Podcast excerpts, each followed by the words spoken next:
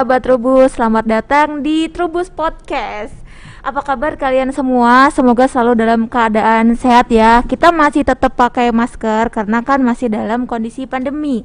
Jangan lupa kalian untuk selalu makan makanan sehat dan juga untuk berolahraga biar imunnya tetap kuat.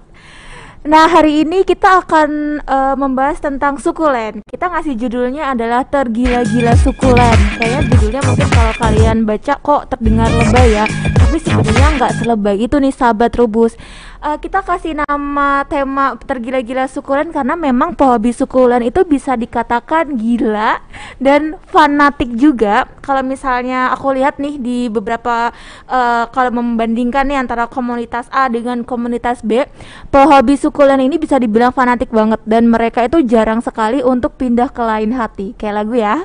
Bukan. Jadi mereka itu jarang banget untuk pindah ke lain tanaman. Jadi kalau misalnya kalian uh, ini uh, pehobi-pehobi tanaman yang baru nih kalian bisa lihat nih karakter orang-orang sukulen dan orang-orang kaktus mereka itu setia banget. Jadi makanya kita kasih nama tergila-gila sukulen. Mungkin kalian ada yang sudah tahu sukulen itu apa atau masih uh, belum tahu sukulen itu apa? Aku kasih sedikit spoilernya. Sukulen itu adalah tanaman yang menyimpan air di badan dia. Jadi kaktus itu juga termasuk sukulen, tapi sukulen belum tentu kaktus. Kemudian kalau misalnya kalian di rumah punya adenium, adenium itu juga masuk sukulen. Kemudian di rumah kalian punya pachypodium, itu juga termasuk sukulen. Atau kalian yang suka jalan-jalan ke hmm, Lembang, ke Bandung, beli beli tanaman yang di uh, abang-abangnya di AAA yang jualan tanaman hias, kemudian lihat tanaman kecil-kecil yang warnanya ungu, kemudian ada juga yang keperakan eh, daun-daun bulat itu kalau nggak salah namanya hawartia itu masuk sukulen. Nah, biar kalian lebih tahu lebih lanjut tanaman sukulen itu apa, kita mendatangkan narasumber uh, pehobi sukulen di Depok, di dekat-dekat kantor Trubus nih, adalah Mas Angga. Selamat datang Mas Angga. Selamat datang. apa kabar Mbak Titi? Baik. Makasih banyak ya Mas Angga udah mau menyempatkan waktunya buat ngobrol bareng aku oh, dan ya juga mau lah. Mas dan Angga. juga sahabat Trubus.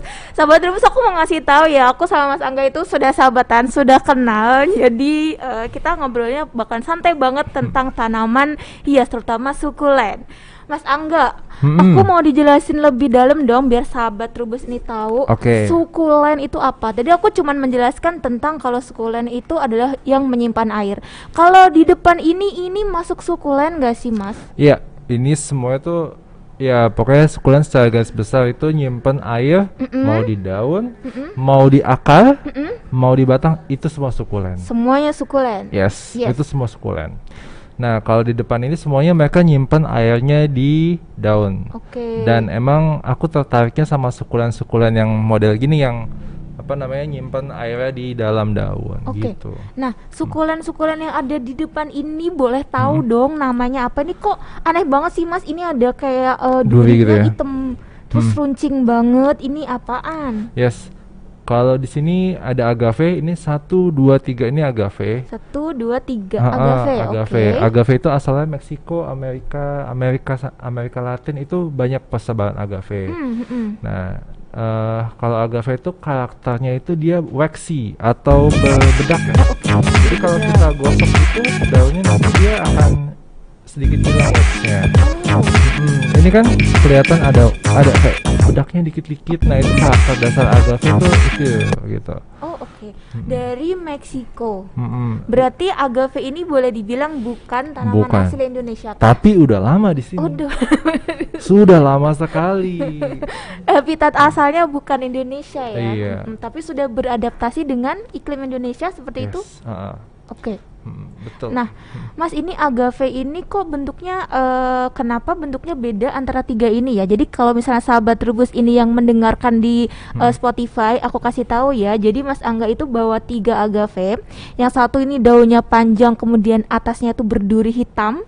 Yang satu ini daunnya pendek-pendek, durinya putih, warnanya hijau. Nah, yang satu ini warnanya tuh malah kebiruan.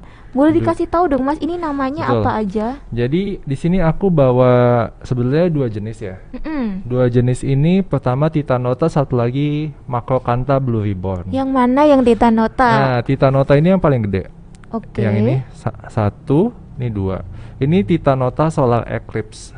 Uh, basically Titanota itu sebenarnya jenisnya banyak, tapi jenisnya banyak ini bukan karena dia dikawin silangan enggak, tapi dia suka itu apa namanya evolusi kayak Pokemon. Kayak enggak, Pokemon. bermutasi. Kalau di kalau di uh, apa namanya aglonema kan orang paling suka nih mutasi gitu ya. Iya, betul. Suka banget. Nah, kalau di agave juga Hmm. mereka paling banyak dicari di mutasinya. Nah, solar eclipse ini bentuknya tuh agak kayak payung gitu ya, Mbak. Mm-mm. Sedangkan kalau blue ball emang dia bentuknya mem- membulat dan cenderung karakternya tuh daunnya apa daunnya hitam, warnanya biru sesuai dengan namanya. Blue ball. Blue ball. Tapi jangan salah, kalau kehujanan terus atau media tanamnya salah, waxnya dia bisa hilang. Jadi warnanya hijau. Bisa jadi hijau. Green ball. Enggak Bu, juga. tetap blue ball. Jadi warnanya gimana ya? Emang base dasar daunnya sendiri agak agak-agak mid blue gitu. Jadi Hmm. hijau agak-agak mid blue. Mm-mm. Tapi begitu it- waxnya hilang itu akan jadi jelek banget. Jadi kalau kita punya titanota, kalau dia nggak waxnya hilang, ya kita pinjam bedak pacar gitu. terus dibedakin. iya. Mas. nah, kita bahasnya tentang Titanota dulu. Titanota ini yang dulu, oke. solar eclipse yang warnanya hijau. Yes, betul. Tapi durinya warnanya putih, yang blue Hmm. ball ini warnanya agak kebiruan. Iya, Itu durinya hitam. iya betul. Lebih sayang yang mana antara solar eclipse sama yang Oh. blue ball? Aku sebetulnya jatuh cinta pertamaku sebenarnya sama Marco Kanta, Marco tapi ini perebut, ini perebut ini. Jadi mereka datang belakangan. dong. Iya, mereka datang belakangan. Oke, tapi kalau sayang, sayang blue ball sih. Sayang blue ball ini walaupun lebih kecil, tapi dia lebih lama. Maksudnya gimana tuh? lebih Jadi lama? dia kurang lebih umurnya kalau kayak gini udah empat tahun, empat tahun. empat tahun. Sependek ini empat tahun? Iya betul. Oke, ini kalau misalnya sahabat rebus yang di Spotify aku kasih tahu ya, Hmm. si blue ball ini ya ampun nggak sampai sejengkal. Aku nih orangnya pendek dan kecil ya, Hmm. jadi jarinya juga kecil. Itu tuh cuma setengah setengah apa ya, setengah setengah telapak tangan ya mas. Ini kurang lebih di pot Kecil. 12 cm dengan tinggi sekitar 15 ya, Mm-mm. 14 cm. Oke. Heeh. Harganya? Kalau harga sih ini nggak aku jual, tapi penawaran tertinggi di 2 juta belum aku lepas. Dan aku dengar-dengar ya Ha-ha. sahabat rebus agave titanota ini Hmm. sekarang tuh sedang populer banget, sedang naik daun banget, terutama di pasar mancanegara. Betul. Kalau boleh sebut negaranya adalah Jepang. Nah, boleh diceritain tuh Mas, sepopuler apakah titanota ini di Jepang sana? Hmm, jadi awalnya aku juga nggak ngerti ya, bagaimana mereka bisa luar biasa dicari gitu. Mungkin kayak ngetren gelombang cinta dan uh, monstera variegata kalau di sini yang tiba-tiba boom banyak. Tapi yang jelas saat pandemi kemarin, it happens juga. Setelah mereka Gimana tuh? selesai pandemi di Jepang, tiba-tiba permintaan akan Titanota ini ke Jepang luar biasa gila-gilaan, banyak banget. Sampai kalau nggak salah ada sekitar lima orang eh, di orang Jepang asli, mereka punya nursery, mereka pingin beli kuantitinya 50 piece sekali berangkat, segede-gede gini. Aku bilang nggak bakal ada di Indonesia, bos, karena gedein segini aja empat tahun aja udah engap. Udah engap. Heeh. dan mereka amazingnya berani bayar sangat mahal untuk Berapa? kurang lebih sekitar 400 sampai 600 dolar untuk yang segini. Berapa kalau dikursin rupiah? Ya sekitar ya Udah 6 tembak sampai aja. 7 jutaan kali ya. 6 sampai 7 6 7 juta. jutaan untuk blue ball karena mereka fanatik banget sama blue ball. Hmm. Permintaan yang tinggi dari mereka, mis tadi kan Mas Angga bilang sampai 50 piece. Itu memang karena di sananya nggak ada kah?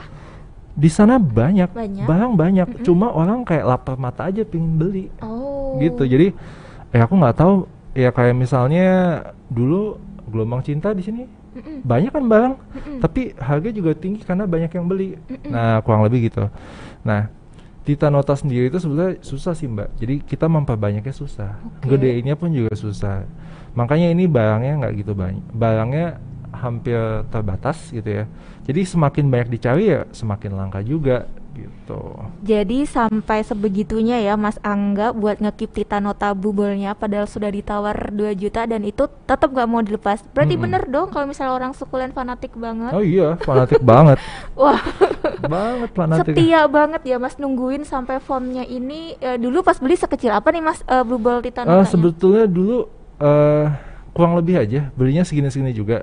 Tapi bentuk daunnya yang jelek dulu. Oh, oke. Jadi kalau blue ball itu gimana ya? Itu ada daun unmature sama daun mature. Jadi Oke. begitu kalau misalnya teman-teman bisa lihat di sini nggak kalau sambil diangkat juga nggak Oke, apa-apa. Kalau ini kalau kelihatan ya, Terlihat Yang terlihat paling bawah. yang paling bawah ini namanya unmature. Mm-mm. Itu bentuknya tuh jelek. Duri-durinya masih pada kecil-kecil banget. Masih tipis-tipis. Nah, supaya mereka durinya makin gede, makin gede ya, kita rawatnya memang pelan-pelan tapi eh, kita pastikan dia nggak dorman. Nah, nanti makin gede, makin makin tua, makin tua, durinya makin gede-gede gitu. Makin tua dulunya makin gede dan itu nilainya juga akan semakin Yes. besar pula. Ya karena daya tarik titanota itu yang dicari ya adalah durinya, Durinya. durinya betul, oke. dan bentuknya. Kalau durinya jelek, bentuknya jelek, udah nggak ada harganya. Mau segede apa pun juga nggak ada harganya. Oke, kalau blue ball berarti dia harus bulat seperti namanya ya. Hmm. Kalau ball bola, Membola sih. bola ya, Hmm. membulat lah ya. Yes. Kemudian warna warnanya juga harus biru ya, Oh harus iya, ada harus. lilinnya tadi. Hmm, Dan karakter berikutnya kalau blue ball itu pasti duri barunya hitam. Oh gitu, duri baru harus hitam. Duri baru harus hitam. Meskipun nanti makin lama saat durinya udah makin ke bawah kayak gini, Mm-mm. dia akan warna akan jadi silver. Itu hal yang sangat umum. Nah, oke. Hmm. Ini kan karena ini kan yang membuat Mas Angga berpaling dari si Makro kanta. makro kanta. Nah, dulu kenapa jatuh cinta sama makro kanta ini? Makro kanta dulu langka. Apalagi yang ada variegatanya. Oh, ini- gitu. ini ada variegatanya? Blue, blue ribbon, iya. Hmm. Di bagian ini kan bisa kelihatan. Ya. Kalau ini ada variegatanya kuning tipis-tipis. Mm-mm. Dulu ini langka banget. Oke. Langka sekali. Dulu itu kapan? Tahun 2017 mungkin kayak cuma dua orang, tiga orang yang di Indonesia yang punya. Oke. Waktu itu berarti Mas Angga belinya sudah sebesar ini atau masih kecil-kecil? Masih kecil. Dulu aku beli kecil. Oh, oke. Dari dari 2017 sampai sekarang. Heeh. Tapi ini ini bukan yang yang punya aku yang awal udah gede banget nggak bisa dibawa ini. ini Oh, ini udah anaknya dia. duplikatnya Ini- si yes. makro kanta yang tadi bikin jatuh cinta Iya. tadi. Oh lah, aku pikir ini dari dari dari 2017 sampai sekarang berarti lama banget pertumbuhannya si Mm-mm. makro kanta. Kalau makro kanta terbilang cepat sih mbak. Makanya jadi jadi makro kanta itu pas tahun 2017 itu banyak dicari karena mutasinya baru ada. Hmm, hmm, hmm. Jadi kan begitu mutasi agave itu kan yang dicari itu kan yang mutasi baru jenis baru. mm-mm. Begitu ma- ada mutasi baru Mm-mm. dan dia mutasi sudah stabil tuh langsung banyak orang cari gitu. Oh, oke. Karena ini tadi mutasi pada warna ya si Mm-mm. makro kanta ini Betul. ya. Oh, oke. Ini juga udah ada anaknya nih Mas Iya, makro kantanya. Makro kanta terbilang cepat buat eh, anaknya juga. buat beranak. Buat beranak cepat. Oke, Mas, eh, tadi jadi sebelum kita siaran nih sahabat rebus, Mas Hmm. Angga juga menceritakan kalau untuk mendapatkan titanota yang bulat itu Hmm. ternyata ada triksnya. Jadi kita tuh nggak bisa dapetin eh, titanota langsung bulat gitu. Itu tuh ada triknya ternyata. Boleh dibagi. Iya, jadi titanota itu kalau kita istilahnya nggak kita penggal ya, sadis sih. Di apa? Dipotong. Ah, dipotong. Jadi dia itu agar dia bisa dapat form yang bagus dan compact, kita harus eh, apa namanya buat dia dorman atau buat dia memelan pertumbuhannya Oke, gitu. gimana Nah, cara? Ada beberapa cara. Satu, ya udah nggak usah disiram, tapi pasti tanamannya daunnya pada mati, pada jelek. itu kayak Oke, itu Iya. sama juga It- itu sama juga juga ya? dong, nyiksa juga. Oke. Tapi untuk beberapa hobis yang suka dengan kayak gitu, itu hal yang wajar. Mereka suka tanaman yang agak siksa-siksa gitu. Mereka itu wajar. Tapi ada ada satu lagi tipe orang kayak saya. Saya ya udah saya pinginnya kelihatan bagus tapi sehat. Nah cara ini wajar saya lakukan. Biasanya di bagian ini kebetulan sudah waktunya ya. Biasanya di bagian ini nih yang sudah mulai keluar daun mature-nya ini ini kita potong, set kita penggal. Nah, nggak usah takut. Nanti penggalan atas ini bisa kita tanam lagi. Nah, yang akan bagus adalah penggalan atasnya itu. Oh, oke. Mm-mm. Penggalan atasnya kita tanam, nanti dia akan berakar. Anak yang bawahnya itu akan keluar anakannya banyak, banyak banget. Mungkin kalau di segini mungkin akan keluar 15 sampai 17, 15 sampai 30 lah maksimal. Anakannya. Ya, Oh. kalau 30 tuh banyak banget. 15 sampai 30 tapi aku yakin. Kalau kita mau menggal itu harus dihitung nggak sih Mas uh, tiga daun dari atas atau uh, berapa daun dari atas? Feeling. Oh, kita, kita, kita gini kita lihat kira-kira nanti di penggal hmm. akan bagus nggak bentuknya kita kita lihat dulu gitu. Hmm, Kalau aku okay. lihat dulu kira-kira di penggalnya nanti mana yang bagus gitu. Kalau ini aku hitung satu dua tiga menurutku tiga nih satu dua satu dua satu dua tiga. Nah di sini okay. kelihatannya bagus ya udah aku penggal situ. Berarti kalau misalnya kita mau menggal hmm. uh, ini gak boleh sembarangan. Berarti kalau misalnya kita masih awam gimana cara feelingnya dapet ih, ih feeling aku bagus nih feeling antara orang pemula sama yang udah senior tuh kayak beda nggak apa-apa. Uh, apa yang kita coba itu bisa bisa melatih kita nantinya. Oh gagal nggak apa-apa ya? nggak apa-apa.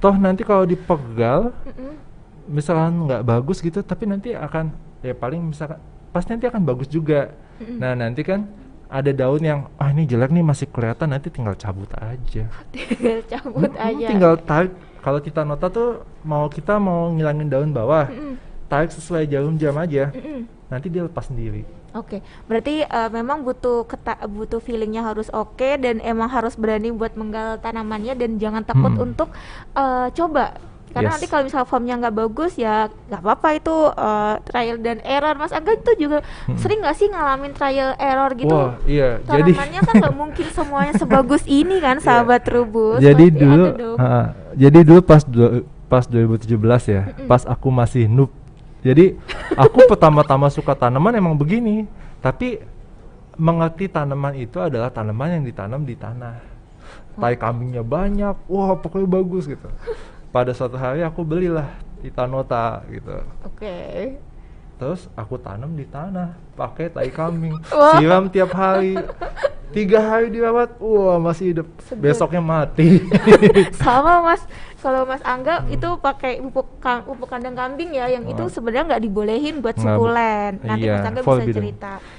Kalau aku dulu malah lebih lucu lagi karena tahu dekastar kan ya Mas, itu kan warnanya hmm. kuning. Betul. Bagus banget tuh kan ya sahabat rebus. Aku itu dikasih uh, sama-sama salah satu narasumber hmm. uh, aloe hmm. Aloe seperti ini ya. Uh, terus di atasnya aku taburin dekastar mas, karena kan cak cakep ya kuning di hmm. permukaan. Jadi dia tanam uh, seminggu dua minggu oke okay, tanamannya. Setelah itu tanamannya mati busuk. Terus aku nanya ke narasumberku, Pak saya ngasih dekastar di atas. Dia, terus dia bilang seperti ini. Ya ampun, tahu nggak sih itu tuh pupuk slow release. Harusnya kasihnya cu cuman lima butir, kamu kasihnya seluruh permukaan.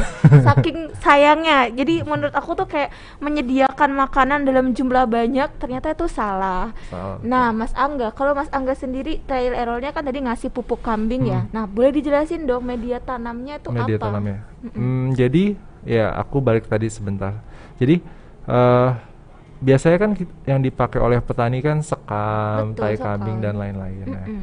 tapi mereka ternyata sudah tahu oh ini pupuk pupuk kambingnya ini sudah siap dipakai mm-hmm. karena mereka fermentasi sendiri. Mm-hmm. Sementara kalau yang kita dapati di jalan atau dijual itu kadang-kadang pupuk kambing yang masih fresh. Jadi pas begitu belum terfermentasi, jadi pas kita pakai buat tanaman itu efeknya nggak gitu bagus satu ya, mm-hmm. gampang mati. Nah kalau untuk titanota sendiri, kalau kita pakai media tanamnya kebanyakan organik, yaitu dia akan cenderung uh, daunnya tetap apa ya unmature. Jadi kayak tetap daun-daun muda gitu. Belum daun muda. Uh, belum daun tua. Aduh gimana kan, spesifiknya? Kan kalau orang daun muda yang kinyis-kinyis iya kalo, yang disuka malah. Iya. Nah ini kalau di agave nggak suka nih. Kalau agave kayak aku. Makin tua makin hot. Wow. Oke. Okay. jadi gimana? Jadi nggak boleh pakai media tanam organik? Organik. Organik tuh maksudnya gini. Itu sekam, mm -mm. tai kambing, kompos itu organik oh. karena karena dia adalah media yang akan cepat hancur atau gampang terurai gitu ya. Oh, baik. Dan dia memang mengandung hmm. banyak unsur nutrisi. Hmm. Gitu. Nah, kalau untuk agave kita pakai semua full non organik. Apa contohnya satu? Hmm. Pumis atau uh, apa itu namanya? Seperti batu-batuan sih. Iya, pumis itu apa namanya? Batu apung. Batu apung. Pasir malang atau batu-batu lain yang tidak mudah lapuk. Uh, aku juga pakai arang buat sumber uh, apa namanya CO2-nya. Mm -mm. Jadi kita tetap butuh arang sedikit-sedikit gitu. Oh, Okay. Gitu. Nah, hal ini akan membantu mereka untuk develop si wax ya. Aku memang nggak tahu apa hubungannya. Kalau kita pakai pumis, kalau kita pakai sekam, bedanya apa penjelasan ilmiah gimana? Tapi aku udah coba. Kalau kita pakai pumis, pasir malang dan batu-batuan, dia waxnya tebal, oh. bagus. Hmm. Tapi kalau kita pakai sekam, waxnya hilang. Hmm, gitu. Okay. Oh berarti kalau misalnya bisa dibilang kalau sukulen ini sukanya itu yang berbatu-batu dan kering dong? Depend. Agave hmm. itu suka suka banget sama air. Agave suka air. Suka suka banget. Baik. Tapi uh, penyiramannya itu pada malam hari dan pagi hari itu kita usahakan media tanamnya itu nggak gitu mm. apa namanya nggak gitu nggak gitu basah Oh oke, okay. berarti dia kalau agave itu sukanya ad, uh, medianya tetap media batu-batuan, mm -hmm. tapi dia sukanya adalah tetap suka air ya, beda tetap dengan suka air. sukulen yang lain. Beda, dan oh. dia lebih tahan sama air. Ini full sun full rain semuanya full sun full rain iya kalau kalau misalnya aku nggak salah dengar ya mas hmm. ya kalau sukulen itu kan be, uh, di beberapa aku misalnya ketemu narasumber atau ke nursery nursery hmm. dibilangnya tuh selalu gini jangan sampai sukulen kalian itu kena air hujan karena hmm. nanti bisa busuk yes. usahakan sukulen kalian itu terkena matahari terus-terusan jadi nanti karena kan di habitat uh, asalnya itu mereka uh, adalah tanaman gurun Betul. nah itu ternyata tergantung ya tergantung media hmm. tanam oh, dan okay. satu lagi tergantung jenisnya apa hmm, hmm, hmm gitu hmm. ilmu kalo, baru ini mm, mm, kalau untuk agave aloe gastoria mereka suka full direct oh. nggak masalah mereka suka Oh oke, okay. agave, aloe dan gasteria itu adalah yang ada di depan sini ya, yes, sahabat rebus ya. Nah kita udah ngobrol tentang agave-nya hmm. nih. Yang kedua adalah aloe. Aloe ini apanya aloe vera sih mas? Ini dia adalah hmm, apa ya? Sepupu sepupu, bukan dibilang boleh dibilang sepupu, sepupu sangat jauh. jauh. sepupu sangat jauh. Ya. Iya. Karena mungkin ini sudah mengalami mungkin sudah F10 F12 kali. Jadi dia sudah mengalami persilangan yang sangat panjang demi mendapatkan hal ini gitu. Aloe ini kalau yang aku sambil jelasin ya, hmm. nanti biar kalian yang mendengarkan itu tahu, aloe yang ada di depan kita ini bentuknya hampir mirip dengan aloe vera, si lidah buaya bentuknya ya. Jadi dia itu daunnya itu memanjang, kemudian lanset ya, kemudian berujung runcing. Tapi ini galak banget. Jadi warnanya tuh merah. Kalau yang di depan aku nih warnanya merah dan dia berduri. Nah, boleh dijelasin dong Mas kalau yang ini namanya aloe apa nih? Ini emang galak. Galak Nama, banget nih sahabat Namanya Trubus. Alo Carnivore. iya namanya Carnivore. Namanya udah galak. Tapi beneran galak. Sumpah ini jadi ya kalau aku jelasin permukaan daunnya ini hampir tertutup warna merah ya Betul. Mas ya. Dan ada kayak bintil-bintil Nih, bintil-bintilnya tuh keras gitu. Ya, kita bilangnya tekstur. Tekstur, ya, tekstur. Kemudian di pinggir daunnya juga ada gerigi. Du, geriginya. Atau Warnanya juga merah. merah ini uh, susunan daunnya ini uh, roset juga ya karena di atas ini yes, betul. roset. Roset itu adalah kalau misalnya kalian kebingungan apa sih roset? Membulat seperti uh, mawar, mawar. itu namanya roset. Nah mas ini si karnivor ini tanaman dari mana? Dan udah lama nggak sih mas Angga pelihara? Uh, jadi carnivore ini asli Thailand. Mm -mm. Aku beli dari Tepachai. Tepachai itu adalah hybrider aloe yang paling terkenal di Thailand. Mm -mm. Meskipun bukan dia yang pertama ya, tapi dia salah satu hybrider aloe yang paling sukses. Oke. Okay. Jadi dia bilang saat saya mulai menyilangkan aloe ini, saya mendapatkan dia bilang mukjizat ya. Mukjizat. iya betul, dia bilang mukjizat. Karena kok tiba-tiba muncul aloe dengan base warna biru dengan gigi iya. warna merah. Iya benar. Terus dia nemuin base warna kayak gini hijau, mm -hmm. pink gitu. Terus mm -hmm. dia nemu dan dia nemu berbagai macam mutasi yang nggak nggak pernah dia pikirkan sebelumnya mm -hmm. akan muncul. Mm -hmm. Itu yang dibilang sama Tepacai waktu itu. Oke. Okay. Nah, Mas, hmm. uh, aku ini biar sahabat terbus semakin paham hmm? tentang aloe carnivore. Yeah. Ini adalah aloe carnivore yang satu lagi boleh aku pegang mas? Boleh boleh. Ini beda lagi nih sahabat rubus. Nah ini aku tunjukin lagi ya. Ini aloe, aloe carnivore warnanya merah, Gini, warnanya merah. terus uh, badannya ya ini daunnya ya mas ya Daunnya. ini warnanya ke uh, boleh dibilang ke biru biru silver, iya agak silver, Bi, agak silver biru boleh tahu nih harganya berapa mas dulu itu harganya pas kecil aku belinya empat ratus lima puluh ribu oh, oh kalau udah segini Enggak dijual. Oh, enggak dijual. Enggak akan dijual itu. Kenapa? Aduh, ini fanatik banget. Tadi nunggu apa? Mukjizat dapetinnya, kemudian yeah nggak mau. yang yang kalau dijual mungkin anakannya aja. Anakannya uh, aja ya? uh, oke. Okay. ini kesayangan juga nih kesayangannya Banget. Mas Angga nih. Ini karnivor. Hmm. nah ini lucu lagi nih beda lagi nih sahabat rebus. Ini warnanya cantik banget. Di, gitu nggak apa-apa iya ini warnanya cantik banget. Kalian bisa lihat deh. Ini durinya warnanya apa Mas pink. Oh sumpah ini pink cantik banget. Blue uh, base dengan pink ya, iya, itu dia oh, kombinasinya. Uh, ini badannya biru nih sahabat rubus ya.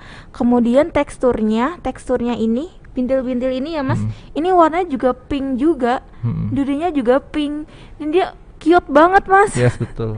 Namanya apa ini mas? Blue diamond. Blue diamond. hmm. itu yang ngasih nama Mas Angga sendiri. Aku, iya. Jadi boleh aku info kalau di Tepaca itu kita berebut belinya mbak. Oh gitu. Mm -hmm. Jadi dia cuma menjual satu varian aja. Kalau mm -hmm. kita ke kehabisan varian tersebut ya udah kita nggak akan pernah bisa dapetin hal itu lagi. Ini cantik banget. Mas hmm. ini dia bisa masih bisa gede lagi atau bisa, dia memang tapi memang memelan. Kalau kita paksa, kalau kita gedein langsung di pot besar, mm -mm. dia tumbuhnya akan seperti ini, nggak roset. Oh gitu. Uh, Oke. Okay. Dan ini dia kalau aku bilang sudah ibu-ibu ya. Sudah. Jadi gini, kalau aloe sudah pernah sudah pernah berbunga, mm -mm. biasanya bentuknya nggak akan sebagus ini. Iya betul. Si blue diamond ini. Iya nggak akan sebagus itu. Jadi ini si ibu-ibu ini namanya siapa mas? Kalau ini white fluffy. White fluffy. Hmm. Tapi meskipun ibu-ibu jangan main, ini cantik juga. Coba hmm. mas ini dipegang, yeah. maaf mas. Ini white fluffy ini ini kalau nggak salah uh, durinya jingga ya, iya, orange. Jingga. Tapi badannya hijau. Badannya hijau. Oke, ini karena sudah beranak saja ya. Sudah beranak. Jadi dia kenapa Mas kenapa Mas bilang ini nggak bagus, tapi ini buat orang awam nih bagus. Iya, jadi gini. Coba dijelasin. Ka ketika mereka sudah pernah beranak, mm -mm. Uh, alo itu akan lebih rentan untuk jadi tiba-tiba pertumbuhannya nggak stabil. For example gini, ketika dia tumbuh misalnya dia nggak dia dia nggak harus ngidupin atau nggak harus ngasih nutrisi untuk bunga dan buah. Oke. Okay. Jadi ya udah dia tiap minggu atau tiap bulan akan nambah satu daun satu daun secara teratur. Mm-hmm. Size-nya pun juga akan bertambah secara teratur mm-hmm. gitu ya. Mm-hmm. Tapi ketika mereka sudah punya su, mereka sedang belajar buah atau berbuah, mm-hmm. ketika berbuah biasanya mereka akan memelan. Memelan. Betul, akan memelan. Nah, nanti saat buahnya itu udah siap dipanen, mm -hmm.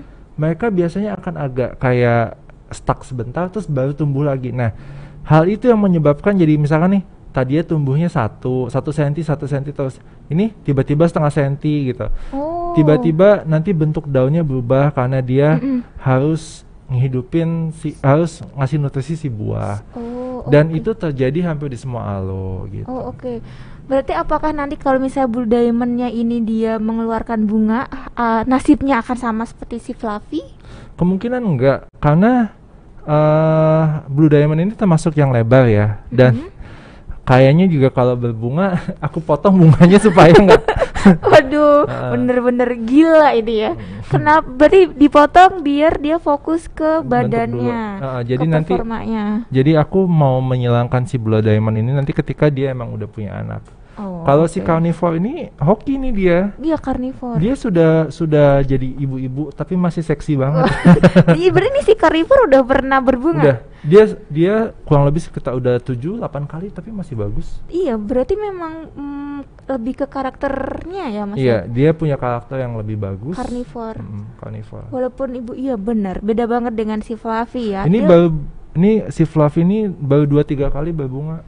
Ini udah tujuh kali. Tujuh kali. Tapi lebih. masih bagus. Masih bagus. Masih roset juga ini. Masih roset. Dan masih garang nih durinya. Hmm. masih aloe. Mas uh, ngomong-ngomong tentang aloe, tadi kan kalau nggak salah Mas Angga itu mendapatkannya hampir semuanya tuh dari luar ya. Iya. Enggak emang nggak ada Mas uh, hibrida hibrider apa ya? Breeder. Ya, breeder di Indonesia. breeder di Indonesia di Indonesia banyak, tapi Mm-mm. mereka cuma sa- fokus sama sa- beberapa jenis aja. Mm-mm. Nah, rencana aku aku ngambil dari luar, aku breed sendiri. Sekarang sudah berjalan gitu. Mm-mm. Aku udah punya breed alo cukup banyak sekarang gitu. Karena kalau kita berusaha ngambil dari lokal dan menyaingi Thailand, wah susah. Karena kita udah ketinggalan langkahnya sangat jauh. Jadi langkahnya harus lebih cepat-cepat Iya, lagi. jadi kita memang harus ngambil shortcut gitu ya. Berarti kalau Mas Angga di rumah itu juga menyilang-nyilangkan, Yes, betul. udah hasilnya udah banyak Hasilnya sudah banyak dan itu aku boleh tahu belajarnya dari mana sih Mas? otodidak. Otodidak, tapi mungkin karena dasarnya adalah cinta, jadi bisa nyilanginnya juga bagus. Dan aku pernah main ke rumahnya Mas Angga, silangannya Mas Angga itu bener-bener bagus. Sahabat Rubus ini aja yang dibawa cuman sedikit, simpenannya banyak di atas rumah, di eh, di genteng Di rumah ya genteng Mas. rumah, iya. Karena supaya mereka dapat full sun ya. Ya itu nyimpannya di genteng rumah sahabat Rubus. Jadi kalau misalnya sahabat Rubus main ke rumah Mas Angga, diizinin sama beliau harus siap-siap naik genteng pakai tangga. Tangga. aku pernah, tapi aku nggak berani. Temanku yang naik ya Mas ya. iya. Mas silangannya itu sudah eh, dipasarkankah atau semuanya Sud- itu dikip? Hmm, sebagian sudah, sebagian aku bagi-bagi karena reject ya. Jadi Hmm, dalam enak banget. menyilang reject di mata Mas Angga tuh kayak gimana?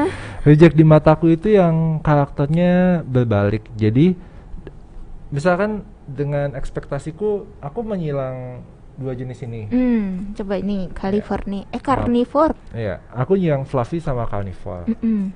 Tapi nanti yang jadi tiba-tiba kok hijau semua Hmm. atau cuma sedikit karakter si fluffy dan carnivore itu wajar terjadi. Mm-mm. Nah hal itu yang aku bilang reject dan Oh, biasanya oke. aku ya udahlah kalau ada yang mau ambil gitu. Oh, wah enak dong itu yang dapat reject kan. Tapi Mas kalau eh, berarti kalau yang eh, apa eh, hasil silangan yang bagus, yang Hmm. eksklusif di mata Mas Angga itu sebenarnya mereka eh, inden dulu atau misalnya Mas Angga punya rilis hibrid hibrida baru, Hmm. Mas Angga post di media sosial atau Yes. gimana? Biasanya aku rilis di media sosial. Oh oke. Hmm. Dan tuh range harganya berapa tuh Mas kalau misalnya silangannya Mas Angga? Silanganku itu kalau yang almost reject ya, bukan reject ya. Almost reject tuh mulai dari 50.000 ribu. Almost reject. Heeh. Jadi aku bertingkat 50, 100, 200 sampai 500 ribu. Oke. Dan itu meskipun reject tuh sebenarnya bagus tuh sahabat terus karena aku pernah lihat sendiri. Kok reject kayak gini sih gitu. Oh, ternyata yang enggak rejectnya wah, emang ini udah kelasnya udah beda, kelas kolektor ya. Mm-mm, betul. kelas kolektor yang tergila-gila sukulen. Nah, Mas itu tadi kita udah ngomongin eh, yang pertama adalah agave, yang kedua adalah aloe. Ini aku punya satu lagi. Itu punya Mas Angga sih, bukan Iya. punyaku. Ini yang paling ujung, ini adalah Gastaria. Gasteria nih bentuknya eh, beda dengan yang dua jenis ini ya Mas. Dia Hmm, betul. daunnya ke kanan dan ke kiri. Mm-mm. Nah, aku mau tahu nih apaan sih Gasteria? Hmm, Gastaria itu sebetulnya sepupu jauhnya lagi aloe. Sepupu. Jadi Lebih kita main jauh. sepupuan ini. Iya, iya.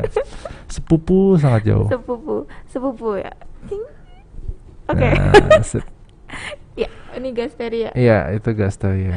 Nah, aku jelasin lagi dong Mas, Gasteria ini sepupu jauhnya aloe. Yes. Nah, tapi ini daunnya dia hmm, Lebih kaku, kaku dan tebal. nggak lentur sama sekali.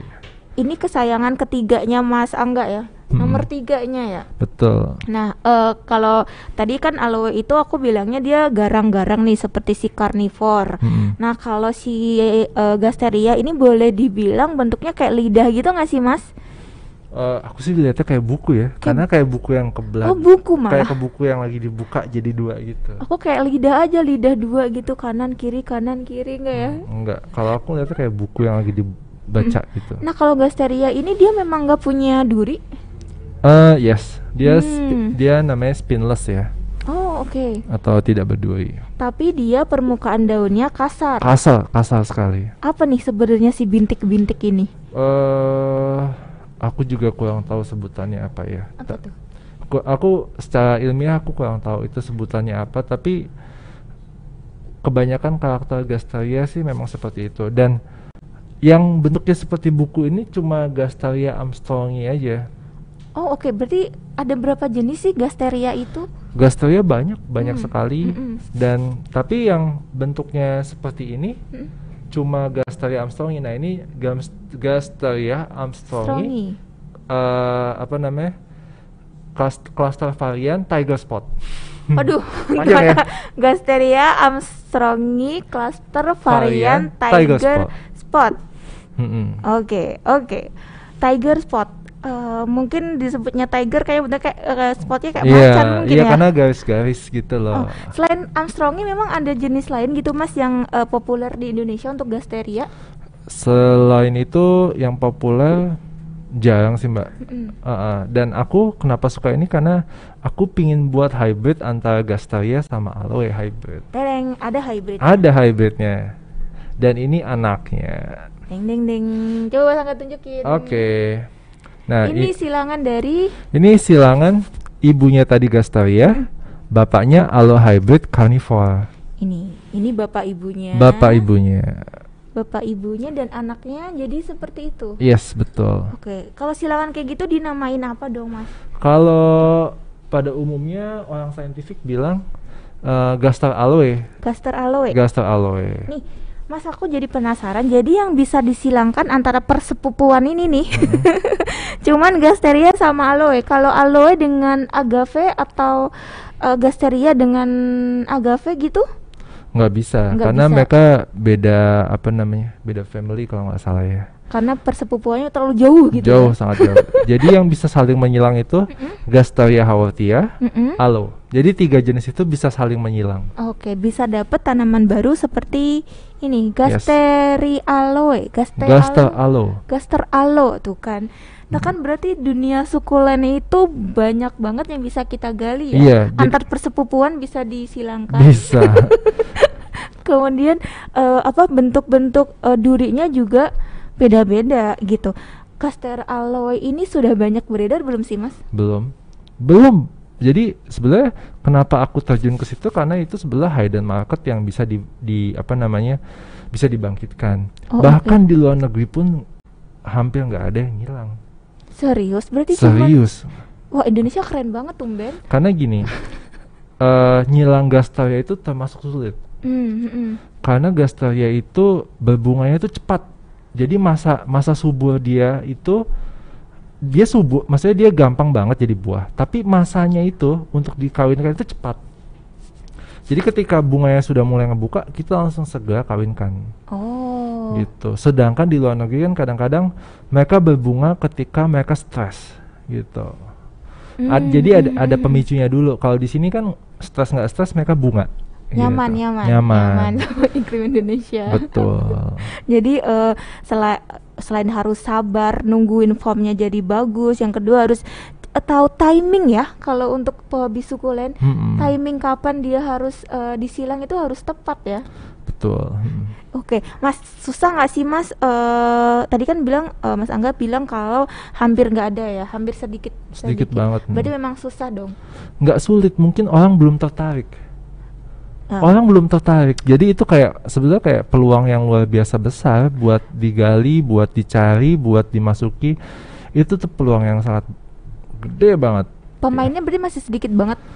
yes. Di Indonesia paling cuma aku. Ini kalau nanti podcastnya didengerin atau ditonton sama sahabat terus terus kalau ada yang mau ngikutin jejak gimana tuh? Saingan dong. oh nggak apa-apa. Seneng dong. Kan jadi ada temen.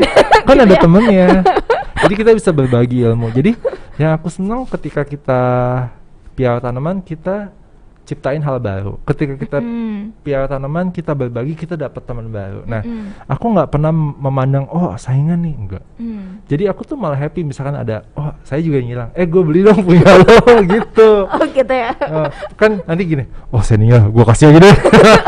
Oh enak dong yang senior Iya dong, Langsung enak. senior nih. iya. Dipalak dong. enggak aku sih nggak bilang eh gue beli dong gitu. Eh nih gue kasih deh gitu. Dengan harapan dikasih. Kan senior. Oke, gitu tuh sahabat terubus Bobby Sukulen. Rata-rata memang fanatik dan rata-rata memang setia banget. Masa nggak pernah kepikiran buat berpaling ke lain sukulen nggak sih? sebetulnya kepikiran nggak tapi kayak menambah koleksi lain pernah cuma kayaknya pas ini pas oke udah beli. Ih mahal banget ah. Gak jadi deh mending beli mending beli alo aja lagi. Gitu. Bener ya Ah. bener. Mas terus ya aku eh, lihat-lihat di media sosial. Hmm. kalau dulu itu komunitas sukulen itu boleh dibilang yang terbesarnya tuh hanya satu tapi sekarang mulai banyak komunitas-komunitas lain orang-orang yang membentuk komunitas kecil Mm-mm. sukulen itu mengindikasikan kalau sukulen itu eh, sebenarnya eh, apa lajunya tuh ada ya mas ya? Tapi entah Ada. kenapa eh, susah banget untuk boom gitu loh mas. Sebetulnya nggak sih eh, mas ya? aku nggak tahu juga. Mungkin Hmm. karena satu sukulen yang yang apa namanya yang yang banyak beda itu kan yang kayak Echevaria yang souvenir. Itu tuh variannya itu itu aja. Jadi kadang-kadang susah untuk boom gitu loh. Mm-mm. dan berikutnya itu sulit dirawat di tempat panas gitu jadi Oke. Heeh, jadi satu ketika jenisnya sudah itu itu aja sulit dirawat itu akan sulit orang tuh akhirnya mungkin market jadi males tapi kalau misalkan kita menghadirkan jenis yang baru yang nggak pernah dilihat Mm-mm. itu tuh suatu hal yang luar biasa biasanya acceptable tingkat accept- acceptable tinggi gitu Mm-mm. gitu Kalau aku kayaknya eh, karena merawatnya tuh lama, jadi tuh orang, oh jarang kalau yang bisa ka- kalau merawat gitu. lama aku punya tipsnya. Ya kan, bener kan? kalau kalau merawat lama gampang. Apa tuh? beli lagi sampai nggak tahu. Aku? Jadi jadi aku gitu jadi begini. Aduh lama nih nggak gede-gede. Bener kan? Lama kan? aku beli lagi yang gede-gede. lain. ah ada lagi nih yang baru. Ah ini nggak gede-gede. Beli lagi yang baru. Sampai akhirnya nanti yang itu udah gede ternyata nggak sadar gitu Iya, soalnya aku pernah punya eh, salah satu sukulen Haworthia tuh nggak ada di sini. Hmm. Duh, lama banget nih muncul daun barunya gitu. Gitu ya, Mungkin iya. itu yang eh, bikin sebagian orang eh, agak kurang sabar dan kan kalau misalnya tanaman lain booming kan oh Cepet cepet ya. oh baru nih daunnya baru muncul gitu kan. Jadi senang gitu. Kalau Hmm. sukulen tuh pelan-pelan dan mungkin rata-rata orangnya tuh sabar ya nggak sih, Mas? Iya, sebenarnya bukan aku aku yang nggak sabaran tapi ya udah deh ada jenis baru aku beli, jenis baru aku beli, aku beli. Ta- Nggak sangka nanti tiba-tiba yang yang udah lama banget aku beli, eh udah gede gitu. Aku nggak aku nggak nungguin emang gitu. Mas satu lagi yang perlu aku confirm ya eh, buat sahabat Trubus yang misalnya pemula gitu. Kalau ini kan Mas Angga udah beda ya, eh, Hmm. kelasnya kan udah kolektor. Ida beliau milihnya agave, aloe dan gasteria. Hmm. Nah kalau misalnya buat sahabat Trubus yang eh, pengen serius untuk merawat sukulen, Hmm. aku nih misalnya pengen serius nih, yang menjadi rekomendasi Mas Angga apa tuh tanamannya? Agave sama aloe.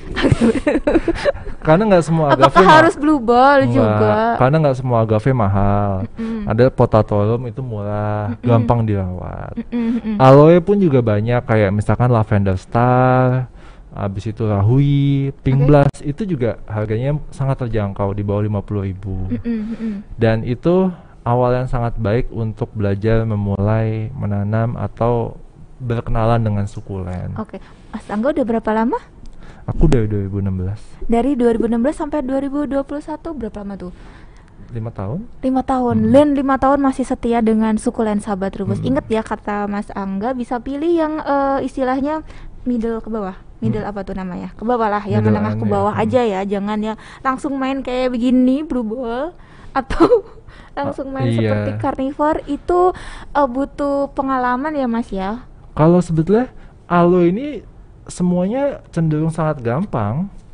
Tapi ya untuk perkenalan awal ya aku sih tetap menyarankan yang murah dulu. Yang mana dulu? Karena aloe murah sama aloe mahal perawatannya sama.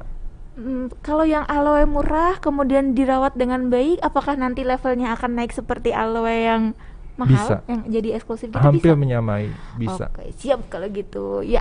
Nah, demikian sahabat Trubus, terima kasih banyak Mas Angga buat ceritanya. Bener kan? Jadi judulnya Tergila-gila Sukulen ya kan, Mas? Iya. Karena sampai sekarang masih setia dan masih gila, udah ditawar 2 juta tapi nggak mau ngelepas. Bener kan? Iya, dan betul. ini si Carnivore juga nggak mau ngelepas meskipun dari tawar orang ya, Mas. Enggak, itu enggak enggak bakal Nggak dilepas. bakal, ya ampun. nggak Oke. bakal. Mas Angga, nanti kalau misalnya kapan-kapan kita ngobrol lagi tentang sukulen, Hmm? boleh nggak sih kita, Mas Angga kita undang lagi ke Oh sini? boleh banget. Saya ini durasinya kurang nih kalau misalnya satu jam ya Mas ya. Iya. Ini baru tiga jenis aloe sukulen. Masih ada banyak jenis yang belum kita bahas tentang aloe tentang salah tentang sukulen daun. Mm-mm. Ini baru tiga jenis. Sebenarnya ada jenis lain. Apalagi tuh Mas yang belum kita bahas di sini. Ada Haworthia, ada Astroloba. Wow, apa pula itu? Uh, uh, kemungkin itu aja sih yang paling Litops. Litops itu kaktus maksudnya. Oh, itu maksudnya kaktus. Eh, Waduh, tapi aku nggak tahu juga karena aku belum punya. aku juga nggak punya. Kalau gitu nanti kawan-kawan kita bikin segmennya tentang kaktus ya. Boleh. Oke deh kalau gitu.